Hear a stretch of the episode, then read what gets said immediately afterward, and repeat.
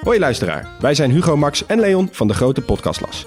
Wij zijn drie geografen en elke week behandelen wij een ander land. We bespreken onder andere de geschiedenis, politiek, natuur, maar ook de sport, de muziek en natuurlijk het eten.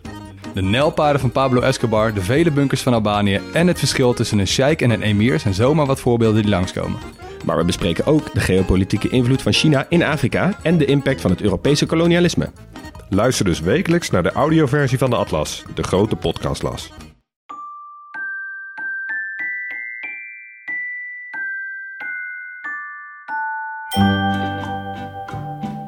Welkom bij aflevering 227 van Echt Gebeurd. De podcast waarin waargebeurde verhalen worden verteld door de mensen die ze zelf hebben meegemaakt. In deze 5 december aflevering een Sinterklaasverhaal dat Koen Klein drie jaar geleden vertelde tijdens een verhalenmiddag rond het thema Donkere Dagen. Een kleine waarschuwing vooraf. Dit verhaal is misschien niet helemaal geschikt om met jonge kinderen te beluisteren.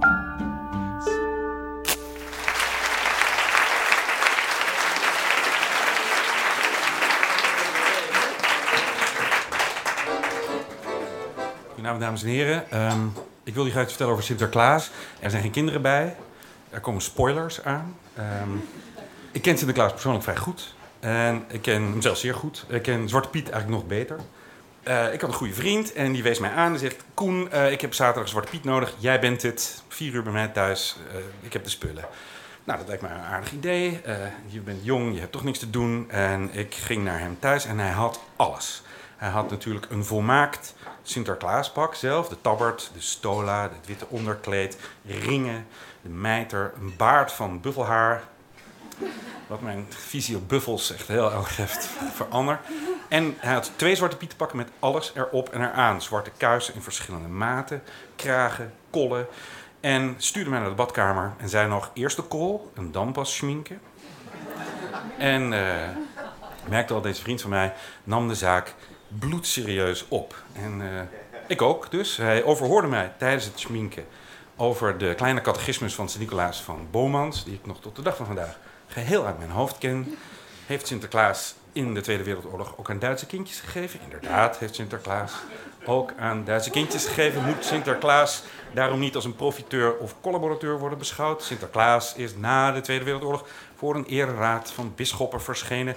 En aangezien hij alleen maar materiaal had geschonken aan de Duitse kindjes, kon hij niet als een profiteur worden beschouwd. En aangezien de gegeven goederen de geallieerde opmars niet merkbaar hadden vertraagd, heeft de bisschoppenraad met een berisping moeten volstaan. Dit is allemaal Bomans. En uh, dat is een, een, een, virus dat ik sindsdien niet meer ben kwijtgeraakt. En toen ik eindelijk goed gesminkt was, zei Sinterklaas: Ik kon nu niet meer mijn vriend noemen, maar Sinterklaas. En we gingen de straat op. Hij woonde op de Wallen. En wij gingen de deur uit omdat hij een bezoek had bij een familie op de plantage. Uh, ik kende die mensen helemaal niet. Hij kende ze eigenlijk ook niet. En ze kennen mij tot op de dag van vandaag nog steeds niet. Want ik ben daar tien jaar lang alleen als Piet geweest. En ik ben de vader des huizes later wel eens tegengekomen en ging blij op hem af. En uh, hij wist niet wie dat was natuurlijk. Maar van, ik ken al zijn kinderen nog. En ik heb van deze Sinterklaas, mijn Sinterklaas, echt om zo te zeggen het vak geleerd. En um, ook een paar essentiële dingen geleerd het hele Sinterklaas-circus is een onderwerp van een cultuuroorlog en onderwerp van geloof en dergelijke. Maar het is ook een voorstelling waar je het nodige voor moet doen. En daar gebeuren bijzondere dingen in. Uh, om te beginnen wist mijn Sinterklaas te vertellen hoe een Piet zich moet gedragen. Bijvoorbeeld als je strooit, moet je zorgen dat je onderhand gooit. Anders gooi je recht in de smoeltjes van de kinderen. Je moet zorgen dat de pepernoten achter de kinderen vallen. Want dan dan gebeurt er iets interessants. Als het voor ze ligt, dan gaan ze doen. Je weet dat je de cadeautjes ook pas helemaal aan het eind moet geven. als je kinderen eerst een cadeautje geeft, dan ben je ze kwijt. Dan gaan ze met dat autootje spelen. Um, verder moet je de vaders af en toe laten zingen natuurlijk. En uh, je moet ze af en toe een moeilijk liedje laten zingen. Dus niet die stoomboot de hele tijd, maar ook eens bijvoorbeeld uh, Rommel de Bommel. Of uh, Trippel Trap. En, en die ken ik allemaal uit mijn hoofd. Bovendien moet je erop letten dat Sinterklaas, die één voor één de kinderen op schoot krijgt af en toe iets te drinken krijgt. En dat de kinderen dan afgeleid zijn. Als Sinterklaas met die baard probeert dat naar binnen te krijgen. Als je dat vergeet, dan neemt Sinterklaas, mijn Sinterklaas, wraak op je. Door te zeggen, als bijvoorbeeld de kleine Max, of de kleine Mees, of de kleine Dylan op schoot zat. Die op judo zat. Om dan te zeggen, maar Piet zit ook op judo. En dan moest ik natuurlijk met dat rotkind eh, mij laten vallen. En daarbij opletten dat niet die pruik en die baret afvallen. En ook dat zwart er niet afgaat. Dat mag nu allemaal. Het hoeft niet meer strak zwart te zijn, maar voor deze Sinterklaas wel. Maar er gebeuren ook toch wel ex- extreem bijzondere dingen. Ehm, op een gegeven moment ehm, zat Sinterklaas met een kind op schoot en het kind trok aan de baard. En de baard ging even naar beneden. En alle kinderen hadden dat gezien. En toen zei Sinterklaas: Kinderen, kijk eens goed wat Sinterklaas kan. En toen deed hij het nog een keer. En gelukkig was er een meneer, een vader bij die een echte baard had. En zei Sinterklaas: Kijk, meneer, kunt u dat ook? Nou, dat kon hij natuurlijk niet. Waardoor die kinderen dachten: Ja, dat, ja, Sinterklaas kan dat. En het is een fundamenteel ding dat ik toen zag, wat ik zou willen omschrijven als de wil tot geloof. Dat kinderen, maar niet alleen kinderen, ook mensen die zichzelf gelovig noemen, elk onberedeneerbaar verschijnsel kunnen wegberedeneren. En denken, en volstrekt logisch dat Sinterklaas, die toch een figuur van de fantasie is, zijn baard kan afnemen als hij daar zin in heeft. Nou, dat heb ik allemaal geleerd. Daarna, natuurlijk, ga je de straat op. Je hebt inmiddels wel twee glazen op, of zes. En eh, je zak zit helemaal vol, want wij waren, namen de zaak bloedserieus. Dus als wij wildvreemden tegenkwamen, moesten die ook pepernoten kunnen krijgen. In de zak, dat weet u misschien niet, zit ook het boek. Dat is niet, weegt niet niks. En verder zit er de reparatiekit in, het extra lijm voor de baard, extra zwart voor de piet en misschien een extra kaart. En op den duur begint dat toch te wegen. En je loopt over de plantage Middelaan. Je weet eigenlijk niet waar je nu naartoe zal gaan. Het vriest. Je hebt niet een jas aan, want je bent net binnen geweest, komt je naar buiten. En ik moet u zeggen dat, hoewel ik het jarenlang gedaan heb, mij dan altijd een beetje existentiële twijfel overviel. Ik hoorde mij dan tegen Sinterklaas zeggen: Sinterklaas, ik, loop, ik ben nu verdorie 45 en ik ben hoofdredacteur van een tijdschrift. En ik loop hier verdorie in de, met een zak op mijn rug. En waarop Sinterklaas het enige juiste antwoord gaf: Bek houden, Piet. En dat hoort ook zo. En Sinterklaas, dit Sinterklaas, ik geef het onmiddellijk na, was er natuurlijk niet alleen maar voor de kinderen, maar hij was er ook om zijn pieten op te voeden tot ware pieten. En hij wist mij dus ook dingen bij te brengen, of laten we zeggen te ervaren, die ik van tevoren niet had kunnen vermoeden. Te beginnen realiseer je niet dat Sinterklaas en Piet overal naar binnen mogen. Zo liepen wij langs Carré. En het was een uur of half tien en Herman van Veen trad op. En ik wist wel de weg in Carré. Dus we liepen de deur door, de deur door en stonden we opeens in de coulissen.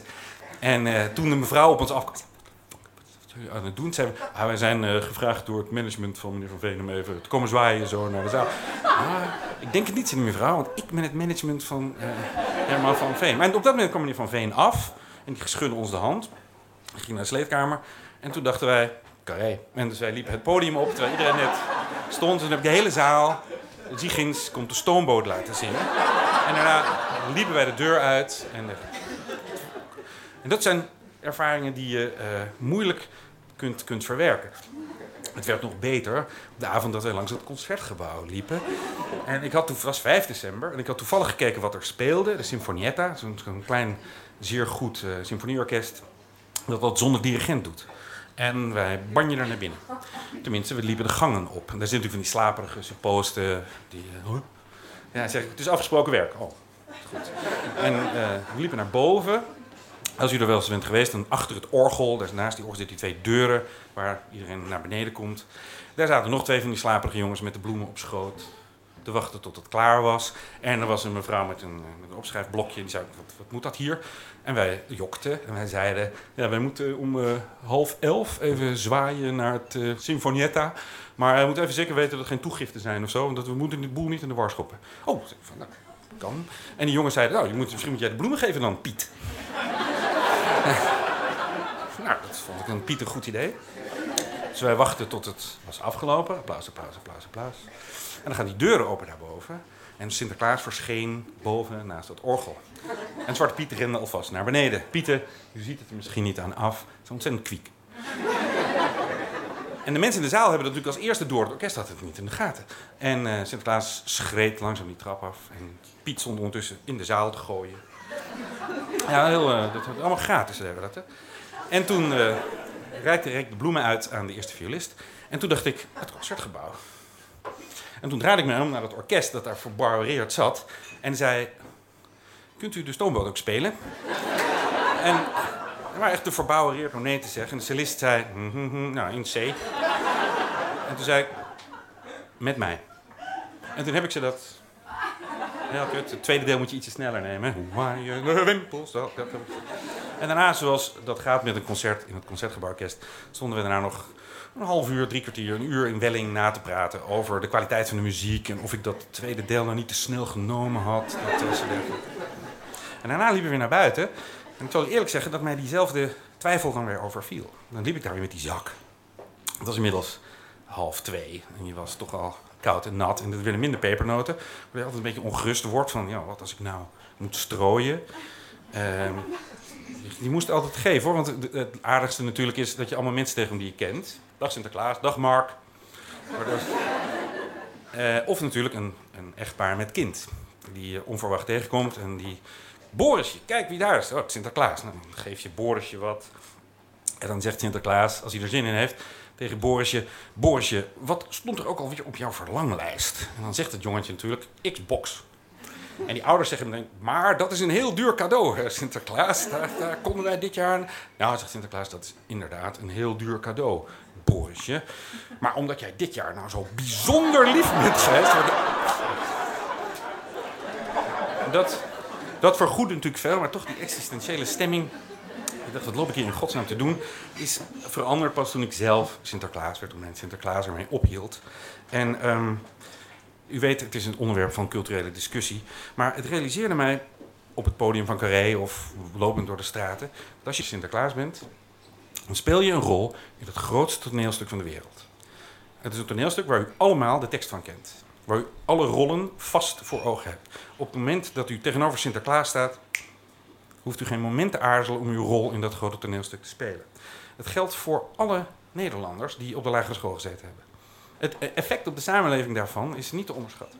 Ik denk wel eens, als je het Nederlands voetbalelftal opgeleid ziet staan voor de interlandwedstrijd... en hoe je ze door het Wilhelmus ziet worstelen... Davy Klaassen, Jorginho Wijnaldum... Als je ze zou vragen, zing Zie de maan door de bomen... dan hebben ze daar geen enkel probleem mee. Dus wat u ook zou willen melden over het racisme, eh, de, de mythologie van Sinterklaas... dit is iets wat wij allemaal kennen. Dat is iets heel bijzonders. Ten slotte overkwam het mij, ik ben historicus... dat ik achter Sinterklaas aan terug naar huis liep... met de zak mijn schouder... en ik zag hem op de kromboomsloot, was het denk ik... een klein beetje in de sneeuw lopen. En ik deed een stapje naar achteren. Ik realiseerde mij toen... dit is een plaatje dat ik eigenlijk nergens anders van ken. U denkt misschien aan Anton Pieck, maar Anton Pieck stelde zich dat ook voor als een ideale wereld. Toen Amsterdam een stad was die aan Nicolaas gewijd was. En waar mensen verwachten dat ze een heilige op straat zouden tegenkomen. Toen werkelijkheid en droom nog één en hetzelfde ding was. Dank u wel.